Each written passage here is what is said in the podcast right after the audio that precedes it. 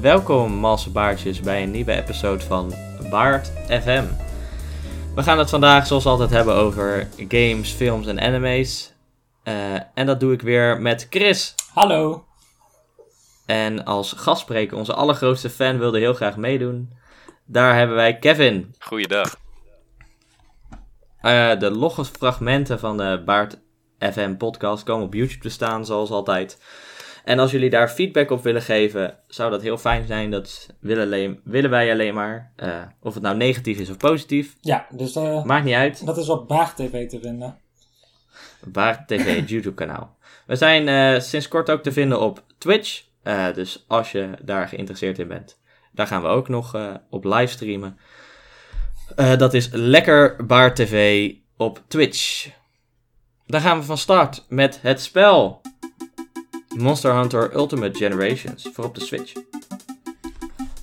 Ja, Ja, dat is het, dit spel. dat is het spel dat jij hebt gespeeld eh, deze keer. Dus eh, Klopt, klopt, klopt, klopt.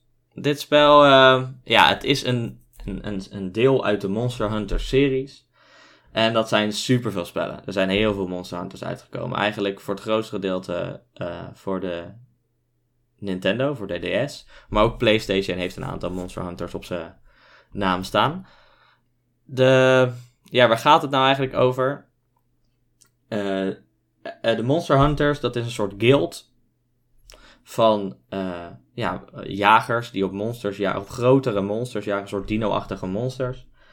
Eh, en die gaan naar elke keer een nieuwe, nieuw gedeelte van de wereld om daar op die monsters te jagen en zo onderzoek te kunnen doen naar de onderdelen van die monsters en eh, ja, een beetje de wereld te ontdekken. Dus zo bijvoorbeeld zitten ze hier in een, eh, in een hele andere wereld als in eh, een ander Monster Hunter spel. Dus het verandert wel elke keer. ja, want het is niet jouw eerste Monster Hunter spel. Nee, nee, nee. Ik eh, heb hiervoor Monster Hunter World gespeeld. Dat is de nieuwste deel in de serie. Die vond ik erg leuk. Dus ik dacht, nou, dan kan deze niet heel veel anders zijn. Boy, was I wrong. Eh, even nog wat verdere informatie. De makers van het spel zijn Capcom. eh, zoals eh, alle andere Monster Hunters ook. Het spel is alleen op Switch te krijgen. Deze dan. Monster Hunter World is op de PlayStation, de Xbox, de PC te krijgen. Maar dit spel is alleen op de Switch te krijgen omdat het een remake is vanaf de 3DS. Oké, dus ja, Hij is 3DS kan eventueel ook. Ja, ja, 3DS kan ook. Dan heb je de originele. Eh, het spel kost nu op de Switch 40 euro. Dat is best Dus dat is redelijk duur. Ja. Ja. Ja. Het is gewoon eh, een volledige title die je daarmee kan kopen. Ehm, voor de rest, grafisch, hè, het is een 3DS-spel. Daar ga ik het niet op afrekenen, want het is een 3DS-spel. Ja, wat verwacht je ervan? Het is wel iets geüpgrade qua graphics. Dus de, eh, ja, het, het zijn een wat strakkere randen en eh, er is wat iets meer aan de textures toegevoegd en zo. Ja. Maar voor de rest is er niet veel aan gedaan. Eh, Eh, de muziek, hè? nee, zou je nog iets meer over de gameplay zelf eh, willen uitleggen? Want ik heb niet Oh ja, zo'n heel tuurlijk. goed beeld van wat je nou precies moet doen in dat spel. Monster Hunter bestaat, deze Monster Hunter bestaat eigenlijk uit een aantal fases die je speelt. Voorbereiden, dus de, de items verzamelen die je nodig hebt. Eh, bijvoorbeeld om je zwaard beter te maken, je harnas beter te maken. Of je eh, eh, eh, bepaald eten te vinden voor het gevecht. Want je werkt altijd naar het vechten met een groot monster toe. Dan is het je spullen maken die je nodig hebt. En dan is het vechten. Met het monster dat je aan het eind moet vechten. En dat is eigenlijk, dat herhaal je constant. Dus spullen halen, spullen maken, monster vechten. Spullen halen, spullen, eh, spullen maken, monster vechten. Dat is eigenlijk de hele gameplay. Het is voor de rest third person allemaal. eh, met alleen maar zwaarden. Zwaardachtige of bogen heb je ook. Je hebt bogen of zwaarden. eh great swords, long swords. Switch axe. dus gewoon zwaard en een schild.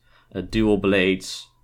Eh, je hebt best wel heel veel wapens om eh, op te variëren. Dus wat je leuk vindt, dat, daar kan je best wel in kiezen. En daar kan je ook achter komen natuurlijk. Nou wist ik al van Monster Hunter World welk wapen ik al kende en wat ik leuk vond om te spelen. Dus dacht ik, nou, dan speel ik hier ook dezelfde. Want dan weet ik al een beetje hoe alles werkt. Ehm, ja, dus je werkt naar een nieuw monster toe. Dat nieuwe monster kan je doodmaken. Daarvan krijg je resources. En die resources kan je dus weer gebruiken voor het volgende gevecht. Oh, Meer is het spel niet. Oké. Ja, je legt het uit of het best wel eh, telkens hetzelfde, of je telkens hetzelfde doet, zeg maar, in het spel. Word je het dan ook snel zat? Ehm, bij dit spel. Eh, ja, was het een beetje plain. Het, het, het, ja, omdat, er niet zo, omdat het visueel niet heel aantrekkelijk is. En ik weet, daar moet ik eigenlijk niet op afrekenen, want het is een 3DS-spel. Maar visueel is het niet heel erg pleasing om door die werelden heen te lopen. En om dan elke keer in de wereld eh, plantjes te gaan verzamelen, is gewoon een beetje saai. Ja, precies. En om dat elke keer te doen, is gewoon echt super saai. Oké. Maar de monsters variëren elke keer, net zoals in het andere spel. Elke keer is het een ander groot monster waar je naar werkt om dood te maken. Dat is wel leuk, want het monster verandert constant. Het is niet elke keer hetzelfde monster wat je doodmaakt. nee, en maar om de zoveel monsters eh, gaat de weer, verandert de, de omgeving ook. Dus je krijgt een nieuwe wereld waar je in komt. dan vind ik persoonlijk 40 euro best wel veel voor een spel wat eigenlijk gewoon een remake is van, van de 3DS. En als het er dan ook niet visueel heel pleasing uitziet, zeg maar, wat jij zegt. Dat het gewoon... eh, is het echt ook niks aan veranderd, zeg maar, van de, qua vis- visueel van de 3DS? Ja, de, de, hè, als je op een Nintendo DS, dat scherm is natuurlijk een, eh, weet ik veel, een 480p scherm. Ja, ja, nee, dat, ja. Eh, Het, het, ziet er, het ziet er scherper uit. De textures zijn iets omhoog gegaan, dus ze hebben een hoge kwaliteit textures erin gegooid. Mhm. Maar voor de rest, ze hebben, hè, als je spellen kijkt zoals Breath of the Wild, eh, de nieuwe Pokémon, eh, eh, zelfs Wolfenstein werkt op de Switch, Doom, Ja, die zien er visueel op de Switch fantastisch uit. Draaien gewoon op 30 frames per second. Dat is gewoon playable. Hell on the go maakt dat echt niet uit. nee. En dan krijg je dit spel en dan betaal je 40 euro voor. Terwijl ik hier net zo goed Doom voor kan kopen. En dan krijg je poep eigenlijk een beetje Ja, uit dat ding gestroomd. je betaalt eigenlijk voor iets wat al eerder op de 3DS was. Ja, Ze hebben er niet heel veel moeite in gestoken, zeg maar. Dat nee. het. Het, het, het is een beetje een soort... Het lijkt alsof het een beetje van eh, Nintendo was van... Huh, hoe kunnen we geld verdienen met een eerder spel? Laten we het uitbrengen op de Switch. Was het ook 40 euro op de 3DS of niet? Oeh, dat weet ik niet. Toen de tijd weet ik niet, maar nu niet meer.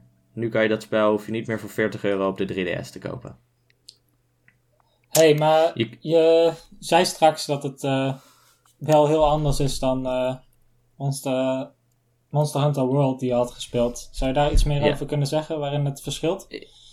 De, eh, Monster Hunter World, buiten dat het er visueel super, super mooi uitziet, gameplay-wise heel anders. De introductie van het spel, hoe, hoe, je erin wordt gegooid voor Monster Hunter World, je krijgt, je speelt een soort een tutorial zonder dat je door hebt dat je de tutorial speelt. Dus je wordt gewoon een beetje geleid met markers in de map waar je naartoe moet en eh, hoe, welke items je nodig hebt. En zo zie je ook de monsters en hoe mooi het spel er eigenlijk uitziet. Mhm. En ondertussen wordt er uitgelegd, oh je hebt eh, deze herbs kan je gebruiken voor potions, deze dingen kan je gebruiken daarvoor. In dit spel wordt er, ik word een wereld ingegooid. Eh, Ik word in de hub gegooid, dus waar je, waar alles, eh, waar je alles kan regelen. De smid en de, je huis en je, eh, je quests. Ja? Daar word je neergezet. Ze zeggen van, oh, ga met mensen praten waar een uitro- uitroepteken boven het hoofd staat. En that's it. Geen introductie, geen eh, eh, training hoe alles werkt, niks. En ze gaan er Nou. ook vanuit, denk ik, dat je al eerder Monster Hunter hebt gespeeld of zo. Want ik, Eh, Ja. Dat denk ik, ja. ja, want ik speelde ook dus een een of andere gratis eh, trial van Monster Hunter. En ik kon er toen e- echt niet inkomen in dat spel. Het is best wel een moeilijk spel om eenmaal in te beginnen. En bij deze was die, hè, die learning curve alleen maar groter. dan bij Monster Hunter World. Monster Hunter World is die learning curve redelijk laag. En hier moet je, word je maar gewoon in het diepe gegooid en je moet maar wat doen. Dus de, wat, wat vervelend was, de eerste vijf uur van het spel was gewoon tutorial spelen. En uh, zo'n tutorial quest was dan bijvoorbeeld: ga naar de wereld toe, pluk een plantje, neem dat plantje mee. En dan ongeveer acht pagina's aan tekst in je beeld. Geen voice lines, niks, helemaal niks. Er wordt niks uitgelegd, gewoon dat je kan luisteren. Want als je kan luisteren is dat heel anders. als ik gewoon kan luisteren wat hij allemaal te zeggen heeft, dan is het zo van ja prima. Maar nu moet ik alles zelf lezen en dan acht pagina's aan tekst gaan lezen om te weten hoe, een potion, hoe ik een potion moet craften. Ja, dan word ik een beetje gek van. Ja. Uh, het heeft me vijf uur geduurd voordat ik een groot monster kon vechten. In Monster Hunter World duurde dat ongeveer een uurtje. En dat lijkt me toch wel een van de leukste dingen om naartoe te werken in het spel. Ja, dat is waar het spel om draait uiteindelijk. Ja, het spel heet ook zo toevallig. Ja, het heet niet Tutorial World. ik, werk, ik werk niet om die tutorials te doen. Maar ik moet wel zeggen, eenmaal die na de tutorial klaar zijn,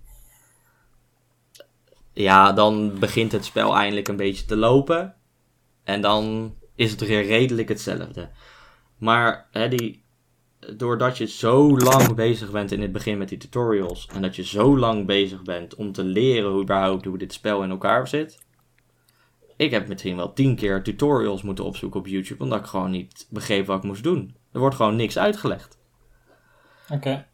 Dus daarom krijgt het van mij ook natuurlijk niet een enorm hoog cijfer. Omdat het gewoon, dit weegt best wel zwaar voor mijn, uh, ja, voor mijn rating hierop. Als je begrijpt wat ik bedoel. Als je Ja. alleen maar uh, podcast, als je alleen maar eh, tutorials aan het spelen bent. Hè, want voor de luisteraars even, wij spelen ongeveer vijf uur van een spel. En nou, die vijf uur van het spel was tutorials. dus, Dus, daarom, eh, ik wil het geen onvoldoende geven, omdat het aan het eind toch wel leuk is. Ik geef het een goede snor en een stick. Dat is een Oh, 6. Ja. Dat, is- dat is gewoon prima. Ik zal het nog wel blijven spelen. Want ik, eh, ik vind het wel een leuke universum en een leuke. Ja, hoe het, hoe het, wat voor spel het is, vind ik leuk. Eh, maar ik ga het niet zoveel spelen als Monster Hunter World, waar ik mee bezig ben. Je, het is niet zo aanbevelen dan. Nee, ik zou hem niet aanbevelen, en zeker niet voor 40 euro. Als je hem ergens op, de, ergens op Marktplaats of zo, of op, eh, eh, bij Game Mania tweedehands voor niet zoveel kan vinden. Koop hem. Als je, de- als je Monster Hunter al kent. Maar anders, niet doen. Niet voor 40 euro. No way. Oké, Oké. Dan gaan we denk ik, dan gaan we door, denk ik. dat is duidelijk. Ja, Ja, dan denk ik dat we naar mijn spel gaan. Kevin, Ja. vertel eens blijs. Nou, ik heb dus het, eh, het spel eh, Risk of Rain uitgekozen. Risk of Rain 2. Wat dus een sequel is op Risk of Rain 1.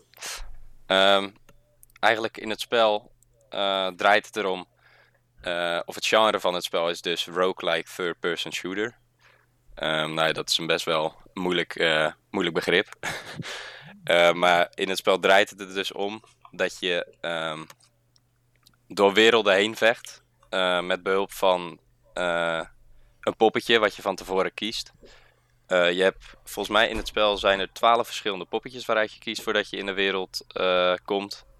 En vervolgens word je in een wereld gezet die random genereert.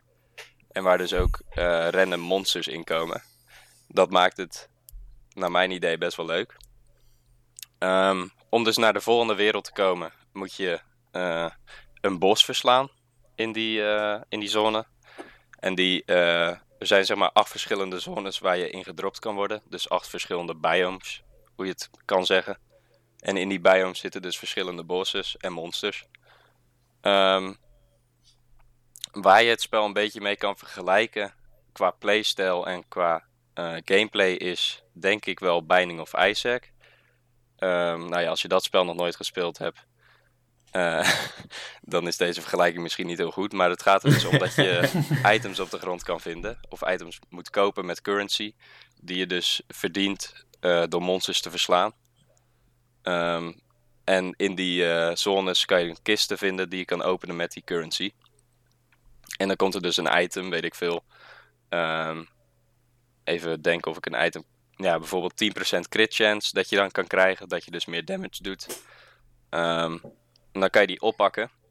En dan kan je hem dus eh, nou ja, in je inventory zetten. En wat ik het leuke van het spel vind, is dat je oneindig items kan oppakken. En ook oneindig items kan stacken. Dus als je vervolgens nog hetzelfde item vindt, dan komt hij dus gewoon bovenop dat andere item. En dan heb je in plaats van 10% crit chance in één keer 20% crit chance. Ehm, Oeh. en dat kan dus oneindig. Dus je kan doorgaan tot 100% crit chance. En dan ben je dus best wel, eh, nou ja, dan ben je best wel goed, zeg maar. Ja, dan eh, ben je niet meer te verslaan. Nee, precies. Ehm, is er nog een, een, een, een doel waar je naartoe werkt aan het eind? Hè? Want je vecht wel elk level een soort bos. ja, nee, Maar is er een grote bos aan het eind en dat het spel gewoon klaar is? Nee, het leuke aan het spel is dus dat je ehm, niet per se hoe verder je qua zones komt, hoe moeilijker het wordt. Maar het is echt tijdgebaseerd. Dus elke vijf minuten wordt het zeg maar steeds wordt de difficulty omhoog gezet. En als je dus lang over de eerste wereld doet, dan zou je dus ook merken dat de tweede wereld gelijk een stuk moeilijker is. Maar als je door wereld 1, 2 en 3 heel snel gaat, dan, ehm, ja, dan heb je dus. eh, dan is de wereld gewoon in wereld 4, zeg maar. Die is even goed als aan wereld 2 in een vorige playthrough. Dus het is echt heel verschillend. En dat maakt het ook wel Hm. leuk. Ehm, Ja. Maar je kan dus items kopen uit kisten eh, in die eh, zones. En je kan ook nog andere dingen doen. Zo heb je bijvoorbeeld shrines waarmee je, of eh, hoe heet die dingen? Ehm, ja, shrines volgens mij, waarmee je geld kan verdienen. Dat je bijvoorbeeld zegt van, eh, ehm, nou nu komen er heel veel monsters op deze shrine. En als ik die allemaal versla, dan krijg ik een x aantal geld. Dat, dan kan je dus een beetje een beginnetje maken in die zone. Want telkens als je de boss verslaat, heb je weer nul currency in de volgende zone. Dus je moet telkens soort Mm. een beetje opnieuw beginnen. Ehm, maar je poppetje en al je items komen wel gewoon mee naar de volgende zone. Dus dat is wel eh, chill. Ehm. Persoonlijk hou ik niet echt van singleplayer games, maar deze game is dus wel co-op. Je kan het spelen met eh 1 tot 4. En ik heb ook nog niks gemerkt dat het slecht werkt of zo, of slechte servers zijn. Dus het is echt wel goed. Het is ook stabiel, zeg maar. Dat is zeker fijn als je online speelt met mensen. Ja, precies. Wat, Eh, eh, wat vind je van hoe het eh, eruit ziet qua stijl en muziek en alles? De presentatie een beetje? De, de, de stijl is echt wel. ehm, hoe zeg je dat? Ja, het is echt wel uniek, zeg maar. Hoe het eruit ziet. Eerst dacht ik zo van, hmm, dit ziet er niet heel goed uit. Ehm, zeg maar, de, eh, de landscaping en de, hoe de, zeg maar, het land eruit ziet, dat is misschien wat minder. Maar de monsters en zo, die zijn allemaal heel divers. En die hebben ook allemaal speciale abilities die je leert, zeg maar, terwijl je Hm. speelt. Ehm, en de bossen zien er ook echt heel mooi uit. Qua muziek zit er nog een beetje muziek in? Of is het gewoon Ja. je basic boss fight muziek en... eh, Nee, nee, nee. Ik merkte wel. Normaal zet ik altijd als ik een spelletje speel, zet ik even Spotify op, zet ik mijn playlist aan of zo. Maar bij dit spel merkte ik dat de game muziek eigenlijk best wel chill is. En het, dat het ook echt wel, zeg maar, relevant is voor het spel, zeg maar. Dat je een beetje Oh, echt in het spel komt als je die eh, muziek aanzet. En dat heb ik bij niet heel veel spellen gehad, dus dat is ook wel een pluspunt. Ja, klinkt Eh, allemaal positief. Ja, Ja, ja, klinkt erg positief over het spel. Eh, Speel je het o- op de computer? Is het alleen te verkrijgen op de computer? Of is het... ja het is een, eh, op het moment is het alleen te verkrijgen op de computer. Maar ik weet dat in de, in de prequel, dus eh Risk of Rain 1, die was ook te verkrijgen op ehm, Nintendo Switch, PlayStation en Xbox. Mhm. Ehm, dus misschien dat ze daar in het vervolg nog. eh, dat ze dat in het vervolg nog gaan doen. Maar het is echt pas net, zeg maar, gereleased. Ehm, ja. ja. het is 11 augustus echt officieel gereleased, zeg maar. Ehm, en daarvoor kon je het gewoon in early access spelen. Ja, ja, ja, precies. Speel je net eh spel zelf met keyboard en muis? Of kan je het ook spelen met controller? Of... Ja, je kan het ook spelen met controller, maar het is, ehm, je hebt bepaalde characters waar je echt zeg maar, moet aimen op de monsters en zo. En dan vind ik persoonlijk keyboard en mouse chillen. Maar het Ja, kan wel. preciezer. ja. Het kan Nou ja, wel. dat klinkt, dat klinkt allemaal wel heel positief. Zijn er ook eh, aspecten aan het spel waar je eh, niet tevreden mee was? Ehm, of eh, is het allemaal positief? ik merkte wel dat je zeg maar echt in één keer in het spel gegooid wordt. En dat het niet echt een, eh, iets van een tutorial of zo is. Misschien dat het kwam doordat ik gelijk co-op ging spelen en dat ik niet echt in mijn eentje heb gespeeld, maar... ehm, ja, Eh, misschien. maar dat was zeg maar wat ik merkte. En eh, oh ja, wat ook misschien nog wel leuk is om te vertellen, is dat de characters die je unlockt, die kan je dus eh, unlocken terwijl je het spel speelt. Maar die moet je dus niet kopen met een currency of zo. Die krijg je dus door achievements te, te completen, zeg maar. Bijvoorbeeld, eh, kom, kom tot het derde bos met, zonder dat je doodgaat of zo. Dat soort dingen. Nou, maar dat is een Oh, beetje zoals. Binding of Isaac. Isaac, eh, Binding of Isaac heet dat ook inderdaad, eh, volgens mij. Ja. Zoiets. Ja, Iets, maar dan pas als je doodgaat, eh ja. gaat eh, gaat die, krijg je die character pas. Ja, en ik merk ook dat, zeg maar, ik heb het daarna nog wel even in singleplayer gespeeld. Ehm, dat singleplayer en co-op allebei wel ongeveer hetzelfde difficulty zijn. Want als je co-op speelt, moet je namelijk je items natuurlijk verdelen over eh, twee personen of meer. En als je in je eentje speelt, kan je gewoon lekker alles voor jezelf houden.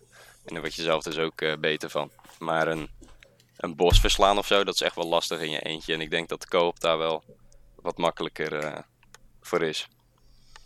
Oké, dus ze hebben niet per se de difficulty van het spel aangepast voor singleplayer. Ehm, naar wat ik gemerkt heb, niet inderdaad. Hm. Hm. Oké. prima, prima, prima. Maar wat geef je dan eh, het spel voor cijfer? Nou, ik zat van tevoren even eh, te denken voor een cijfer. En toen dacht ik nog een achtje of zo. Maar eigenlijk heb ik echt vrij weinig negatieve aspecten op dit spel. Dus ik denk dat ik het een, eh, een goede volle baard geef. Een goede Oh. volle ba- Een 9. Dat is gewoon Ja. een 9. Dat is wel heel goed. Ja, Dat is heel erg goed. Daar hebben we er nog niet heel veel van gehad eh, in Nee, de podcast tot nu toe. nee, maar ik denk ook... Ik heb volgens mij de prijs van het spel nog niet verteld. Maar het is maar 14 euro op het moment in de Steam Store. En dat is het echt zeker waard. Als je nog een leuk spel wilt spelen met eh, vrienden, dan eh, moet je dat zeker kopen. Ja, Nou, klinkt, heel goed. alleen maar goed. Ja, Ja? Chris. Ik denk dat we Ja. door kunnen dan. Dankjewel, Kevin. Geen probleem. Ja, ik, eh, ik ga het vandaag hebben over eh, Pathway. En Pathway, dat is een eh, turn-based strategy survival game. En ik ga duidelijk uitleggen wat dat precies allemaal inhoudt. Ehm, het is eh, uitgegeven door Robotality. Eh, dat is een relatief kleine groep mensen die eraan heeft gewerkt. Maar eh, wel overal best een eh, periode. Het is eh, vanaf 2014 te spelen, maar het is nu net in 2019 eh, eh, heeft het een full release gekregen. Ehm, het is alleen op de PC te spelen. Het is, dit is ook 14 euro. En of dat het waard is, dat ga ik duidelijk uitleggen. Maar goed, ehm, wat het spel eigenlijk is, is je, het speelt zich af een beetje de jaren 30. Dus een beetje ouderwets allemaal. En wat, eh, wat je doet, is je moet een groep mensen eigenlijk door een stuk land heen eh, helpen. Ehm, dus je hebt een aantal eh, levels waar je doorheen kan werken. Maar dat is eigenlijk maar een heel los verhaal wat daar doorheen zit. En voor de rest is eigenlijk alles helemaal random iedere keer. En er zijn echt ho- honderden verschillende evenementen die je kan tegenkomen. Dus op die manier is het toch elke keer weer anders. Ehm, ja, dus eh, in het begin van het spel dan, dan kies je een paar eh characters uit die je mee wil nemen. En dan krijg je een, eh, een soort kaart te zien. Een soort plattegrond met allemaal punten waar je naartoe kan lopen. Ehm, en dat is eigenlijk gewoon heel simpel. Dan kun je gewoon een route kiezen van ik wil daar langs, ik wil daar langs. Ehm, bij sommige plekken waar je komt, dan krijg je gewoon af en toe een verhaaltje te lezen. eh, en dan kun je een keuze maken of dat je een risico wil nemen. Gewoon iets van, oh, er is hier eh, een stuk water. Vertrouw je het? Wil je erin gaan? En dan heb je dus kans dat het helemaal goed is en dan word je geheeld. Of je hebt de kans dat het niet goed is en dan krijg je misschien damage of iets van een negatief effect. Dus eh, er zit een beetje risico aan. Maar waar het spel voor de rest een beetje om gaat, is dat je af en toe slechteriken tegenkomt. Eh, en dan kan je niet echt helemaal goed eh, inschatten van tevoren, maar die kom je gewoon af en toe tegen. Eh, en ja, het is de jaren 30, dus zeker in het begin kom je voornamelijk nazi's tegen, want het speelt zich af in Europa. Die je dan moet verslaan, maar later ook monsters als zombies of, of wilde beesten of zo. Maar hoe de gameplay eigenlijk is, is een beetje Fire Emblem-achtig. Dus je, je, krijgt dan echt gewoon van boven een stuk land te zien. En dan kun je dus die poppetjes bewegen en aanvallen. Terwijl, uh, ja, echt turn-based. Dus je begint met drie characters die dan alle drie een aanval kunnen doen. Of een stuk kunnen lopen. En dan vervolgens dan zijn alle slechterikken. En op die manier kun je ze elke keer wel doen. En hopelijk winnen zonder te veel damage te krijgen. Um, Was dus je zelf al bekend daarmee, met deze playstyle? Uh, niet heel erg. Het is uh, best wel toegankelijk om in te komen. Ik uh, vond het niet zo heel ingewikkeld. Het is allemaal, er zit niet echt een tutorial bij, maar je hebt het wel snel door eigenlijk. Ik had eigenlijk binnen een half uur wel door van hoe het spel precies werkte. Um, maar er zit dus ook een survival element in. En daarvan moet je dus een beetje uitkijken, want je hebt dingen als brandstof en munitie, uh, waar je mee begint, die je dus af en toe moet aanvullen om überhaupt verder te kunnen komen. Uh, dus daarmee moet je ook een beetje zuinig zijn, zeker als je een gevecht ingaat en zo. Uh, en door die gevechten te winnen of door, op, door, door, door, verschillende events te komen, dan kun je dus nieuwe wapens of armor vinden, waardoor je characters weer beter worden. En dan kun je je characters weer level uppen en op die manier kun je zo steeds beter worden. Uh, en je doel is dan eigenlijk om gewoon naar de andere kant van de kaart te komen. Uh, ja, en als je daar bent, dan, dan heb je het level gehaald. En volgens mij zijn er iets van zes levels. Ik heb ze niet allemaal helemaal gedaan. Maar ik heb wel genoeg om een beeld van het spel te krijgen, denk ik. Oké. Grafisch, ja? hoe ziet het er eigenlijk uit? Want jij, ik, ik snap wel een beetje dat het van bovenaf is, maar is het een pixelachtig spel of is het een... Uh... Het, het is wel pixelachtig, maar ik, ik vind het er wel heel mooi uitzien. Het is hele mooie kwaliteit en het ziet, je, hebt, je hebt heel veel...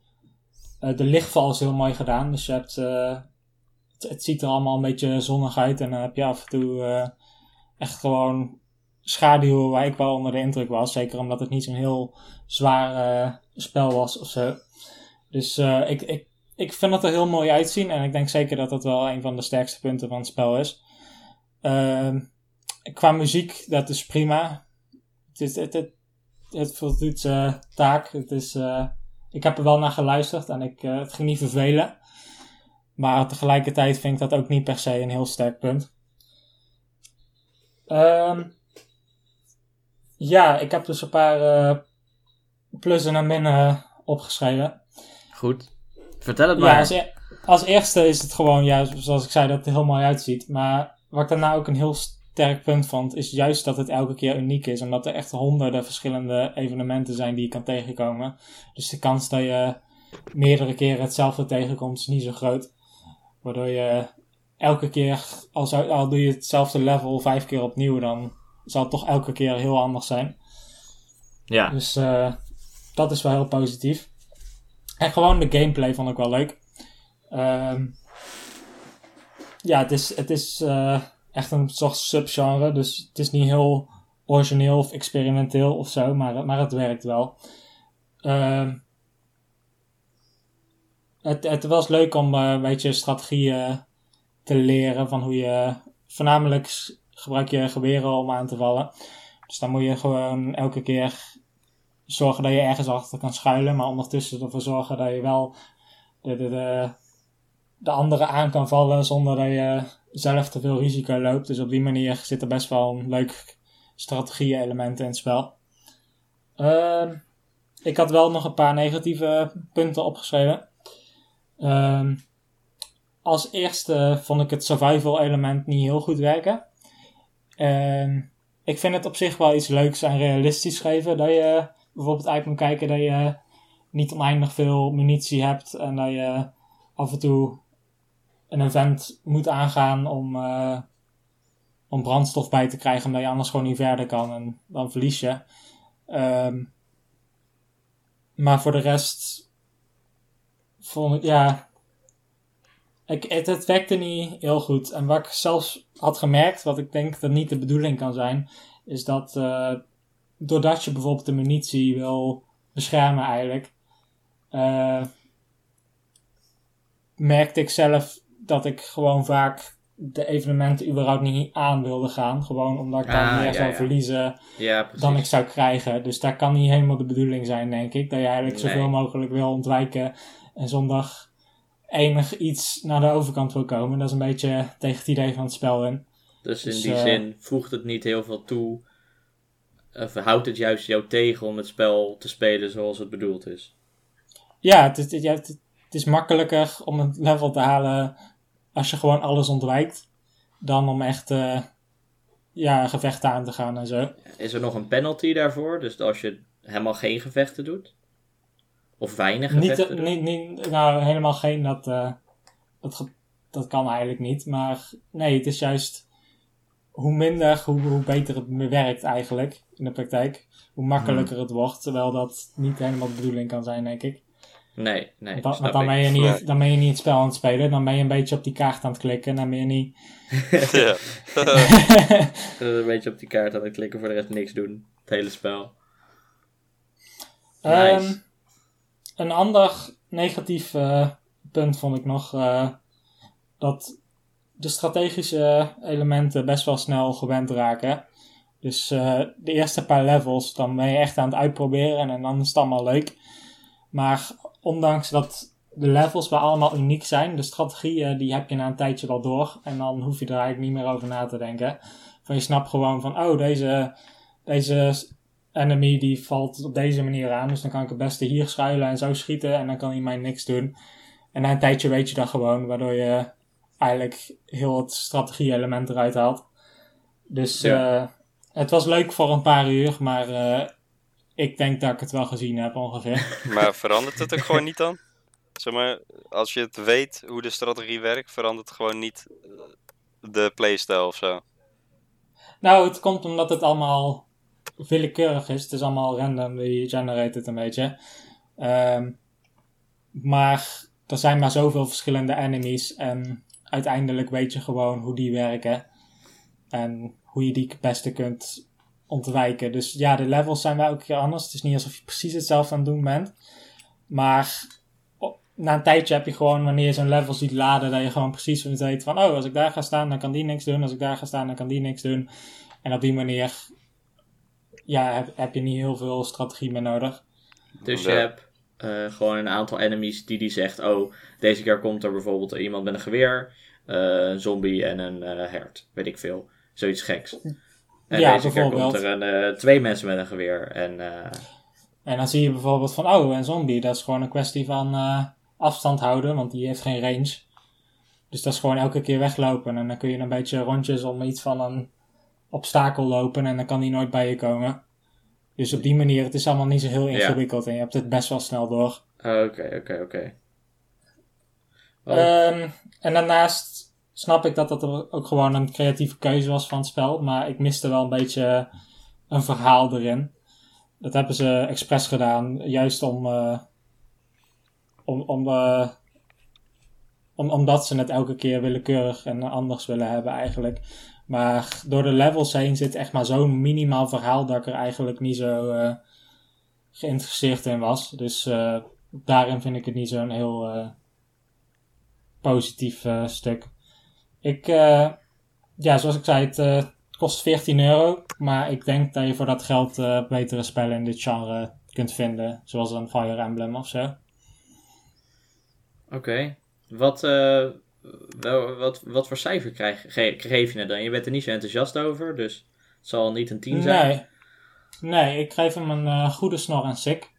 Dus dat is een zesje. Een zesje. Een zesje. Als as. Voldoende, maar ik zou hem niet aan iedereen aanraden. Nou, eigenlijk hetzelfde wat ik al zei over Monster Hunter. Ja. Oké. Dankjewel. Dan gaan we door naar het volgende segment.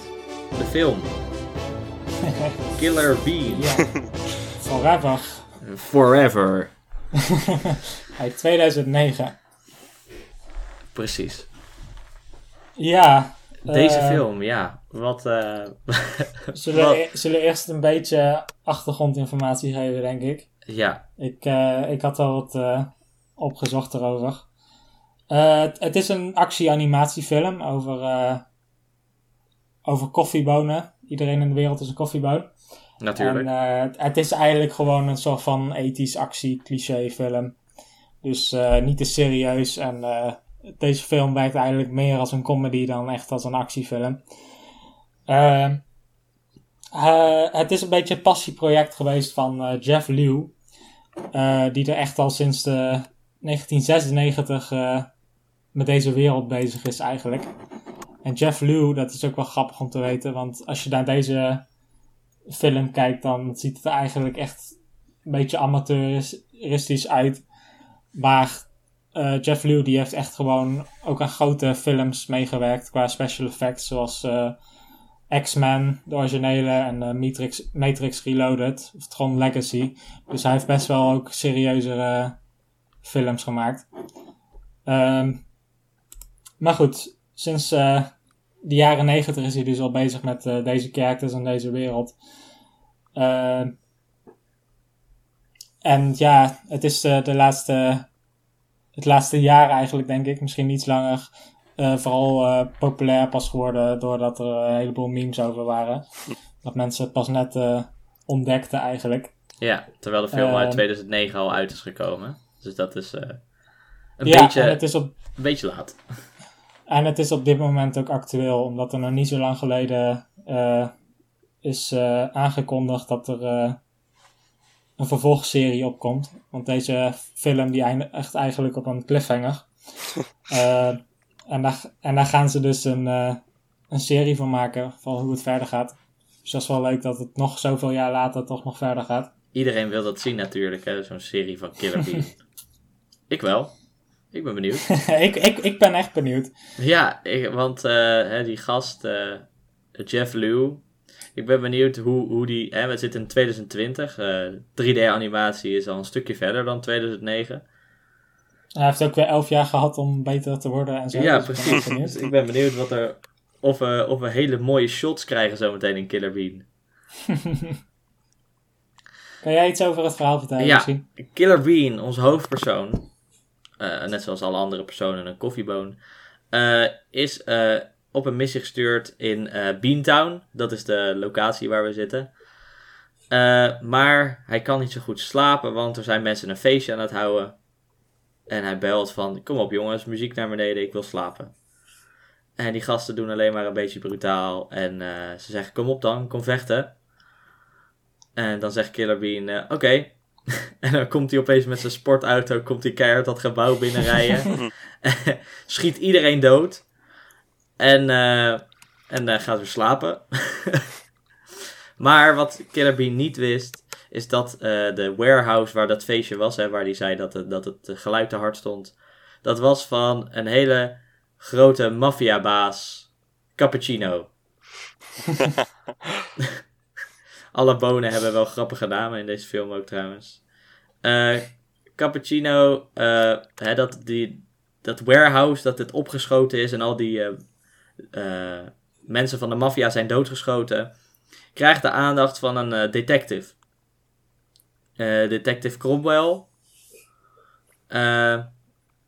En hij probeert al jarenlang eigenlijk eh, Cappuccino neer te halen. En nu opeens is er één boon, één killer bean, één bean eigenlijk, die in één keer een heel warehouse heeft neergehaald van mensen. Dus best wel een beetje impressive, denkt die, eh, Cromwell, de detective. Ja.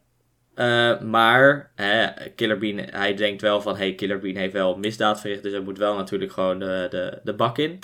Maar misschien he- kan ik, eh, heeft hij misschien wel, eh, kan hij wel die eh, cappuccino neerhalen voor mij. En dat het dan eh, die hele maffia eh, kring in één keer weg is. Ja. In, de, in Want, Beantown.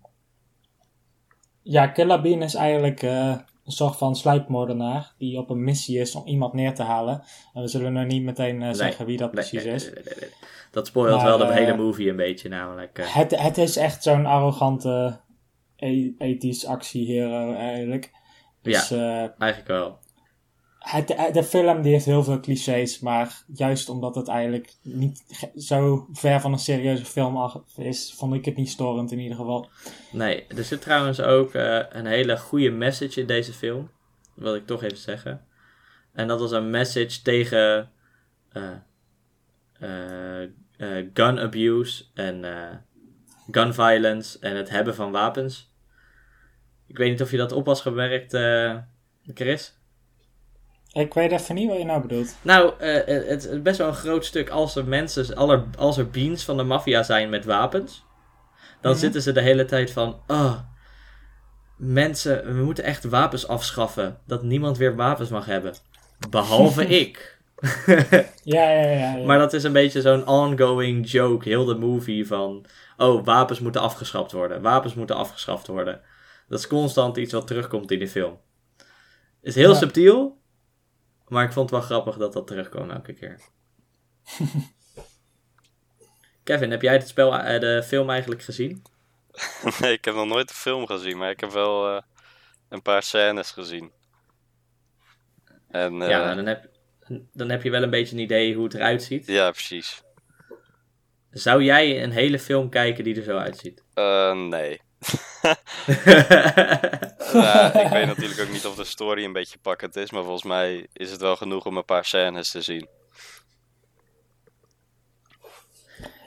Ik denk. Ik, ja. Ja, zeg maar. Ja, de hele film is het denk ik, ik. Ja, ik zat ook in het begin hoor. Chris kwam met het idee. Oh, we gaan Killer Bean kijken. Ik van, ah, sure, het zal wel. Uh, ja, je kent het wel een beetje van de memes, maar dan begin je, denk je van ja, hoe ga ik hier een uur en 24 minuten naar kijken? En dan begin je te kijken en dan is het van, oh, oh ja. En dan begint opeens de breakdance op een tafel en dan denk je, oh ja. Oh ja, ja, ja dat is eigenlijk best wel grappig. Naar de scènes toeleeft, dat je gewoon denkt van, oh, wanneer komt die nou? soms wel inderdaad, maar ook, er zitten best wel plot twists in het verhaal en dingen die je niet verwacht. En ja, het, buiten dat het bonen zijn, als dit een live-action ethisch movie zou zijn, ik denk dat hij het best wel goed zou doen. Maar daar is ook van, natuurlijk, het neemt zichzelf ook niet helemaal serieus. En dat is ook maar goed ook, want dat zou ik niet kunnen. Nee. Maar, maar ondanks alle gekheid die in de film zit, ik, ik vond het nog best wel pakkend eigenlijk. Ja. Niet, ik bedoel, ik zat wel echt te kijken als een comedy natuurlijk.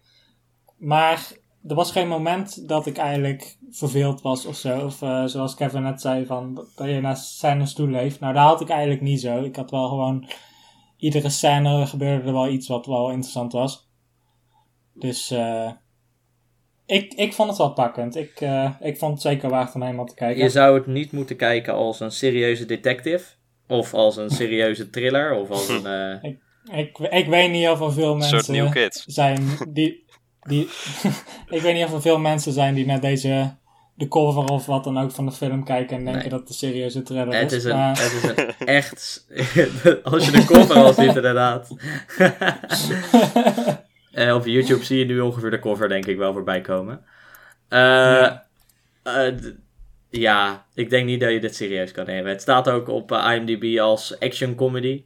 En ik denk dat dat, wel mhm. een goede beschrijving geeft wat de film nou eigenlijk inhoudt. Ik zie hier wel dat hij gewoon een 6,5 heeft op IMDb. dat is echt nog wel hoog. ja, dat op, voor IMDb standards is dat best wel hoog. Ja. Nee, je, je ziet heel veel dat mensen er echt verdeeld over zijn. Want er zijn mensen die er echt helemaal voor de meme gaan en een team geven. En je hebt van die kritische mensen die echt professioneel reviewers zijn of zo. Die dan echt gewoon niet weten wat ze ermee aan kunnen en hem een onvoldoende geven. Dus, ja. En dat het op die manier een beetje bepaald is. Ja, dat denk ik ook. Ik denk dat het daarom zo'n mooie 6,5 krijgt. Maar mhm. die Jeff Lew, hè, die, uh, die zal vast het hartstikke leuk vinden dat dat nu al die publiciteit krijgt. En dat het daardoor, mhm. nu, die, hè, nu die, kan die een serie maken daardoor. Maar maakte die serie ook in zijn eentje, of? Oh, dat weet ik niet. Dat lijkt me niet, toch? Ik hoop het niet voor nou, hij, heeft hij, heeft, hij, heeft, deze film wel bijna helemaal in zijn eentje gedaan. Ja, maar hij dus heeft er vijf jaar over gedaan om dit te maken. Dat wel, nieuw Vijf jaar wachten. ja, een soort Game of Thrones idee krijgen we dan. Nee, maar ik vond het prima verhaal. Voor comedy super leuk om te kijken. Daarvoor eh, krijgt het van mij dus ook een, eh, een, eh, een best wel een, eh, een, een redelijk cijfer. Een ze- ongeschoren zeven dagen baardje krijgt het van mij. Oh, nou het zit in een naam, maar dat is een 7 natuurlijk. Ja, dat is een 7. Chris. Dat klinkt wel goed. Ik eh, wilde nog wel iets eh, zeggen eigenlijk. Ehm, toen ik als eerste de film eh, gezien had, toen vond ik het wel grappig. En ik, ja, ik, ik, ik was wel geamuseerd of zo. Maar veel meer dan dat was het toen ook niet. Maar toen nadat ik de film had gezien, toen heb ik een beetje onderzoek gedaan van wat, wat Jeff Lew, hoe die begonnen is en hoe het eh, zich ontwikkeld heeft toen. En toen heb ik eigenlijk steeds meer fascinatie voor gehad. Van als je bijvoorbeeld die, die er is een korte animatie in eh, 1996 uitgekomen. En dat, dat ziet er echt, naar wat we nu vandaag gewend zijn, ziet dat er echt niet mooi uit. Eh, dat was toen volgens mij ook gewoon als een eh, programmeringstest of zo. Maar als je dan kijkt hoe ver het is gekomen en dan bedenken dat het bijna allemaal door één persoon gemaakt is, dan vind ik het toch wel echt eh, dat, dat hij veel bereikt heeft. En dan heb ik eigenlijk veel meer fascinatie voor de film en, en respect voor hoe het Mhm. eruit ziet en alles.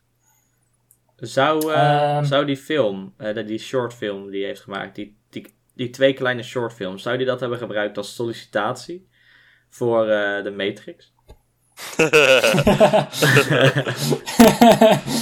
ja, dat, dat, eh, dat zou ik niet weten. Maar eh, Dat hij gewoon... waarschijnlijk dat wel, ja. bijna Lijkt me wel. sollicitatie. Ja, precies. Ik bedoel, als je zo'n mooie film maakt, dan wil je dat natuurlijk laten zien. Nee, het zou me niks verbazen als hij toen gewoon aan het afstuderen was. Of zo, en Zoiets, op die ja. manier. eh, ja. Want maar goed, ja, dus ik had het als eerste wat eh, minder goed gegeven. Maar als ik nu kijk van wat het allemaal eromheen is, dan, eh, dan geef ik het ook een eh, ongeschoren zeven dagen baardje. fantastisch. Goed gedaan, Killer Bean. You did it. Dus dat is het definitieve cijfer nu. Ja. Ja, en ik, ik ben in ieder geval heel benieuwd naar die serie. En ik wil zeker wel kijken precies wat het is. Ja, ik ben benieuwd en hoe lang het gaat duren. Hopelijk geen vijf jaar. We gaan het zien, eh, Jeff, Jeff Lou, wat je allemaal gaat doen nog in de toekomst. Dan kunnen we denk ik door naar het volgende segment. De anime. Anime. Ik ga het niet op zijn Japans uitspreken, we gaan het gewoon op zijn Engels doen. En dat is Rent a Girlfriend. Ja.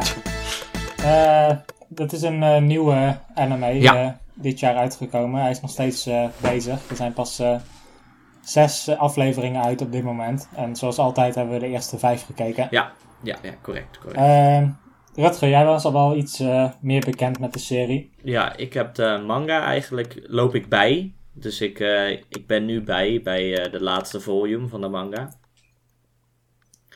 En die lopen al best wel ver vooruit volgens ja, één episode zijn ongeveer drie volumes. Mhm.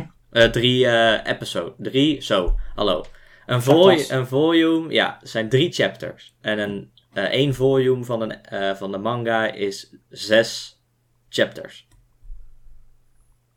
Dus Oké, en, hoe, ja, en hoe ver ben je dan? ik zit nu bij eh, chapter 194. En dat is iets van volume. Ja, oké. Alle.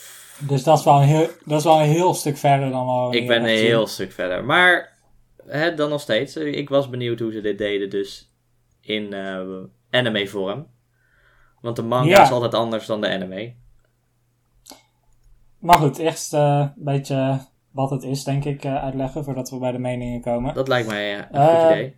Het is, het is een romantische comedy. Ja, precies. Ja, en er is eigenlijk geen andere manier om het te beschrijven. Het is gewoon een romcom. gewoon- Punt. Ja. Ehm, het gaat over een karakter, een jonge jongen, tiener, eh, Kazuya. Eh, en in het begin van de serie wordt hij gedumpt door zijn vriendin. Mami. En daar heeft hij het eigenlijk, daar heeft hij het eigenlijk zo moeilijk mee. Dat hij, ja, dat, dat, dat, dat hij helemaal de hele tijd aan het huilen is. En dan vervolgens dan ziet hij zo een app langskomen. Waarmee hij eh, ja, zoals de titel zegt, een vriendin kan inhuren. Ja, wel grappig misschien. En Om even te vertellen daarover, over eh, die service van een vriendin huren. Dat kan echt in Japan. Je kan echt een vriendin huren. Maar niet alleen een vriendin, maar je kan ook een moeder huren, een oma huren. Eh, je kan, bedenk het en je kan het huren. Hond. oké, dat wist ik ook weer niet. Ja, dus maar- het bestaat echt, deze service. Het is echt een ding. Maar vertel verder. Ga verder, ga verder. Ja, eh, en dat gaat hij dus doen omdat hij dus eh, zo moeilijk heeft met zijn liefdesverdriet. Ehm, en in het begin dan heeft hij echt meteen het idee van, oh wat is, wat is zo mooi, dit gaat wat worden. Eh, dus die eerste dag die is helemaal perfect. En dan later dan gaat hij wel reviews lezen en dan, dan lijkt hij pas door te hebben dat dit gewoon haar werk is. En dat, dat, dat het niet zo persoonlijk was voor haar. En dan wordt hij dus heel beledigd toch, ook al had hij haar betaald. Dus het lijkt me best Logisch. Ja, op zich Ja, lijkt me het niet heel vreemd. maar goed, eh, hoe de serie dan dus verder gaat, is dat ze toch elke keer weer met elkaar in contact komen en dat de relatie toch steeds net weer iets, iets echter wordt. Dus eh, ja, in het begin eh, is het echt gewoon puur, zij doet haar werk en hij mag ervan genieten. En uiteindelijk gaat het dus echt gewoon door, doordat ze echt gewoon ja, waar ik nu ben, eh, waar we het nu hebben gezien, eh, hebben ze nog niet echt een relatie. Maar je merkt wel gewoon van. Ze, ze, ze hebben wel echt een, een go- goede band nu. Ja, het begint nu iets meer te worden dan alleen maar ehm, zakelijk eh, contact. Het zijn meer echt... En dat is. Ja. Dat is ook niet allemaal per keuze of zo. Het is ook gewoon de wereld omheen die duwt ze een beetje naar elkaar toe. Zo, zo zijn die hun oma's allebei heel goed bevriend, blijkbaar in één keer. En eh, ze, ze, ze wonen naast elkaar en zo. En al die dingen die leiden ze echt zo steeds naar elkaar. Dus eh, Ja, ja. precies. En zo gaat het eigenlijk ook door in de manga. Mhm. Maar, Chris, ik weet dat jij er niet zo van bent, van de romcoms. Nou ja, dit, dat vond ik niet zo. Het, het genre vond ik niet het probleem, maar ik heb wel wat eh, dingen te zeggen, ja. Je hebt wel wat dingen te zeggen, oh nee. Oh nee. Ehm, ja, als eerste vond ik het wel gewoon een paar positieve dingen. Zoals dat het gewoon heel makkelijk te kijken. Het is licht, je hoeft niet veel na te denken. Eh, het ziet er mooi uit, vond ik. De stijl, de animatie, dat is gewoon goed allemaal. Ehm, en terwijl ik de main character niet zo leuk vind. Gewoon omdat, omdat het een, eh, een beetje een watje is die... eh, Omdat het een simp is. die, die heel weinig ontwikkeling heeft. In ieder geval de eerste paar afleveringen. Ehm, maar die, die, die vriendin die die daar inhuurt eh, steeds, Shizuru, die, dat vind ik wel gewoon een leuk karakter. Ehm, maar ja, zoals ik net al zei, ik vind de characters wel een beetje flat. Ik heb niet het idee dat ze heel veel eh, veranderen of zo. Ik heb het idee dat je gewoon af en toe een aflevering kan skippen zonder dat je echt iets mist. Ehm, en daarin vond ik het ook gewoon wel goed beginnen. De eerste twee afleveringen of zo had ik echt het idee dat, dat, dat er dingen gebeurden of zo. En ik vond het principe wel leuk. Maar toen eh, de drie afleveringen daarna vond ik er eigenlijk zo weinig in veranderen dat, eh, dat ik een beetje mijn interesse kwijt eh, raakte. Hm. Maar goed, jij, eh, jij volgt de serie al langer, dus jij zal er zonder twijfel een andere mening over hebben. Ja, kijk, iets, iets, iets kijken en vergeleken iets lezen is natuurlijk lastig. Hè? En in dat, in dat lezen, dan lees je daar zo doorheen. Want het is helemaal niet zo heel veel dialoog die er, hè, die er eh, plaatsvindt in de serie. Dus in het lezen ben je redelijk snel door die eerste vijf episodes heen, zoals bij de anime. En daar doe je geen, eh, nou, 20, per- 20 minuten per episode. Ben je eh, niet ruim, eh, eh, meer, ben je niet meer dan een uur mee bezig met die eerste vijf episodes, als je ze zou lezen. Oké. Daardoor is het, was het makkelijker voor mij om door, die, eh, door, de, door het begin van de manga, want in het begin moeten ze vooral heel veel uitleggen Bla bla bla bla bla. Wie ben ik? Een beetje character uitleg. Bla bla bla bla bla. Ehm, maar uiteindelijk verder, eh, waar we niet zijn gekomen. eh, die, die Mami, dat zijn zijn ex-vriendin. Dat is wel een belangrijk aspect van eh, dit, ehm, dit stuk. Die wordt eigenlijk heel erg jaloers dat hij elke keer aankomt met zijn, ja, zijn nepvriendin eigenlijk. Maar dat weten ze allemaal Maar dat niet, weten ze dus, niet. eh, Het is hè, voor, voor die ex-vriendin van eh, Kazuya is het echte vriendin. Dus daar wordt zij heel erg jaloers om en zij is eigenlijk best wel eng. ook in de, in de anime Ja. is ze ook een beetje een raar persoon. Ze is heel vreemd. Wat, wat ik ervan begreep, lijkt ze nu hun relatie proberen kapot te maken. Terwijl ze zelf eigenlijk helemaal niet zo veel interesse in hem heeft of zo. Ja, ze kan het gewoon niet uitstaan dat hij... Zij, zij, is, zij is degene die hem gedumpt heeft. Ja, En vervolgens dan gaat ze alles doen van... Oh ja, ik heb je zo gemist. Ik mis je zo. Ik ben er niet over je heen. ja. Maar ondertussen zit ze hem wel eh, te bashen terwijl zijn eh nepvriendinnetje erbij is. Weet je wel, dat soort dingen. Het is Ja. wel... Ze is niet een leuk persoon. Ze is gewoon heel gemeen. Nee, zeker niet. Ja. Eh, verder in het verhaal krijgen we meer personages. Eh, meer meisjes. Zoals altijd. Want het is anime. Ehm Kazuya komt nog een ander meisje tegen, Ruka. En nog een ander meisje is Sumi. En dat zijn eigenlijk allebei rental girlfriends eh, die Chitsuru kent. Namelijk. Die komen net nieuw het vak binnen en die ehm, hebben een, een, een oefendate nodig. En Kazuya die gaat eigenlijk met die twee meisjes op oefendate. En dan komen er meer complexies aan het verhaal en bla bla bla bla bla bla. Maar ja, zover zijn we niet gekomen, dus we kijken alleen naar die eerste vijf episodes. Nee, maar misschien dat je er wel iets over kan zeggen. Want jij eh, zei net toen je het over de manga had... dat het dan wel gewoon daarna anders wordt. Nadat je er het begin heen was. Ja, als je eenmaal door dat, hè, dat beginstuk heen bent met Mami, wat ik niet zo interessant vond, met zijn ex-vriendin, ehm, komen er eh, een meisje, eh, dat meisje Ruka. En Ruka die is ook een rental girlfriend, maar die heeft een aandoening aan haar hart. Eh, dat ze een hele lage hartslag heeft. En nou, dat, dat kan heel gevaarlijk zijn natuurlijk.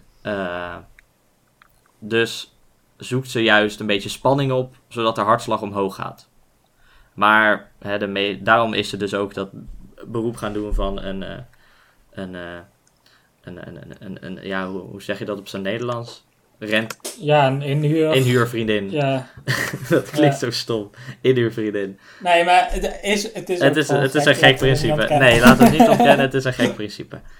Eh, dus daardoor doet zij dat, eh, dat, eh, dat vak dat ze waarschijnlijk krijgt ze iets meer, iets meer adrenaline omdat ze dan met mensen op date moet en dingen. Maar dus ze gaat dat proberen en dan gaat ze op date met eh Kazuya. En dat is eigenlijk, eh, door hem gaat haar hartslag best wel omhoog. En dat vindt ze alleen maar leuk. Want de hartslag is altijd eh 40, rond de 40 en dat is gewoon redelijk laag. Gewoon ook in eh, beweging en zo. Dus dat vindt ze alleen maar leuk dat die Kazuya haar hartslag omhoog gaat. En dan wordt ze eigenlijk verliefd op hem. Maar ja, die Chitsuru is... eh, Kazuya is eigenlijk verliefd op Chitsuru. Dus dan krijg je daar weer een beetje speling mee natuurlijk. Mhm. Maar het is echt wel een romcom. Het is echt wel eh, een beetje van die... eh, van een beetje soms van die cheesy Wat- dingen dat je in een romcom hebt. Als ik het jou nou vraag, eh, kan je dan beter de anime kijken of de manga lezen of allebei? Of hoe, eh, Ehm, goeie vraag. Ja, ik vind. ehm, ik zou het beter vinden om de manga te lezen. In plaats van de anime te kijken. Omdat je. Ja, ik, ik vind hem hartstikke leuk ge- getekend, de, de anime. Hij is echt wel mooi gedaan. De Mhm. achtergronden zijn een beetje meer wat eh, watercolor-achtig. Hè? Dus dat het een beetje wat vloeiender is in plaats van harde lijnen. En dat vind ik hartstikke Ja. mooi. Maar dat, dat, ja, dat, of de, als dat nou het enige is. Het verhaal is veel beter uitgelegd in, het, eh, in de anime, heb ik het gevoel. Je mist een beetje gedachtegangen Ja, wat- soms. Wat was jouw mening precies over, eh, over de eerste vijf afleveringen in ieder geval? Wat vond je van de adaptatie of eh, van de characters? Oh, eh, heel goed gedaan juist. eh. Ehm, ja, want hij is gewoon een loser, die Kazuya. Dat is gewoon zo. Ja, ik had wel één frustratie, wat hij zelf nog wel eens benoemt. Maar die ex-vriendin, die had hem dus meteen geblokkeerd Ja, op de telefoon. Op het moment dat ze het uit had gemaakt Klopt. met hem. En dan vervolgens, dan gaat ze weer helemaal close doen of zo. mhm. Maar hij durft, hij durft gewoon het gesprek niet aan te gaan van... Leg eens uit waarom is het zo allemaal gegaan of zo. klopt. Ik, eh, ik, ik, ik zat af en toe een beetje gefrustreerd van... Man, wat ben je aan het doen? Ja, klopt. Dat is ook. Maar hij is een soort. Ja, hij, hij is al blij dat zij weer met hem praat, natuurlijk. Hè? Want dat was al niet.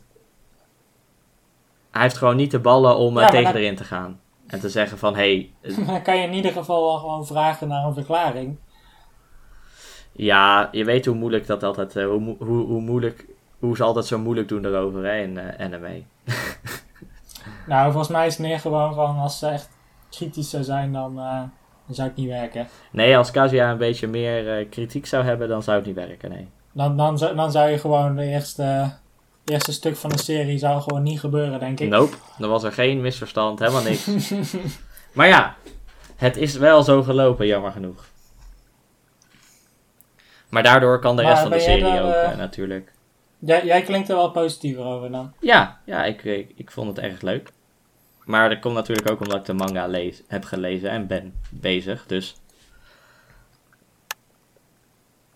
Het klinkt best wel als iets wat in het echt zou kunnen gebeuren, deze serie. Of deze anime, sorry. in principe is het een serie, ja. Maar ja, ja het, het kan, in het echt, kan het in het echt gebeuren? Ja, I guess. Misschien niet zo complex, Eh, maar... Hey, Ja, het, het kan. Zeker zoals je net zei, van dat het ook echt gewoon in het echt bestaat. Ehm, maar ja, zoals ik ook al zei, van de wereld die lijkt wel echt gewoon zo'n beetje naar elkaar te duwen op een niet heel realistische manier. maar ja, je moet, Er zijn wel heel veel toevallen en al ja. dat. Het moet, hè, want het, eh, anders, anders gebeurt het nooit. Waardoor het eigenlijk in het echt niet op deze manier zou kunnen gebeuren. Of ja, het kan, maar het lijkt me onwaarschijnlijk. Maar het, Ja. het is niet, het is realistisch in de, in de sens van er zijn geen eh, aliens. het is wel gewoon schoolleven en eh, Nee, daarom, al, alles wat er gebeurt is mogelijk, maar heel onwaarschijnlijk. ja, ja, ja. maar ja, het bestaat. Het kan allemaal gebeuren. Het universum eh, doet allemaal gekke dingen op dat moment. Zeker in Japan. Zeker in Japan. Dan vallen er opeens mensen van boten af en zo. Maar, eh, Wat was jouw eh, review? Ja, mijn review. Ik geef hem een eh, onverzorgde baard. Een 8. Oh, Puur omdat ik weet wat er verder gaat gebeuren met de serie. ja. Ik, eh, ik heb hem een eh, goede snok en check gegeven, dus dat is een zesje. Nou, dan zitten we op een 7,5. ik, vind het, ik, ik, ik vind het voldoende. Ik was geamuseerd toen ik het keek, maar ben ik nou geïnteresseerd om verder te gaan? Of ga ik dit nou echt positief herinneren? Nee, waarschijnlijk niet. Nee, waarschijnlijk niet. Allemaal eh, negatieve nachtmerries krijg ik hiervan. Dan zit het, eh, nou, je hoort het op Bart FM. Het krijgt een gemiddeld een 7. Ja. Dus als je het eh, leuk vindt, als je van romcoms houdt, is dit zeker een aanrader. Als je daar echt niet van bent en eh, je kan niet zo goed tegen eh, karakters die niet zoveel uitdoen, uithouden, sure, kijk het niet. Maar wat ik ervan begrijp is dat als je eraan wil beginnen, dat je gewoon even niet te veel aan het, naar het begin moet Nee. kijken en er gewoon heel even, Heel even doorheen poweren en, en gaan. Of gewoon de manga lezen en dan ben je er zo doorheen. Ik zou eerder aanraden om de manga te lezen. Nou. Dat was hem dan alweer. Kevin, ja, heel erg bedankt voor het meedoen met deze episode. Ja, We geen vonden het probleem. erg leuk dat je erbij was. Ik vond het ook Eh, erg leuk. ja, was gezellig. Gelukkig, gelukkig. Voor de rest, feedback en zo. Doe dat alsjeblieft graag geven. Eh, als je me kent persoonlijk, stuur een berichtje. Of Chris kent persoonlijk, stuur een berichtje. Eh, voor de rest kan dat op Bar TV op YouTube. Eh, de losse fragmenten van deze episode komen dan ook op Bar TV te staan. Eh, als je me verder wil volgen, Ja. kan dat op Twitch met Lekkerbaard TV. Kan je ons vinden. Daar wordt eh, gaan we proberen zo snel mogelijk ook op te kunnen livestreamen. Zodat dat ook live komt te staan. Ja. Daar hebben we op dit moment nog niet eh, zoveel mee gedaan. Maar eh, we hebben plannen om Ja, dat binnenkort ja, te gaan ja. doen. Dus, eh, We gaan dat wel announcen ergens op YouTube of zo. Volgens mij kan dat. Ja. Ehm, dan bedank ik voor het luisteren. En dan zeg ik tot de volgende keer, lieve baartjes. Oké, doei. Dag, doei doei!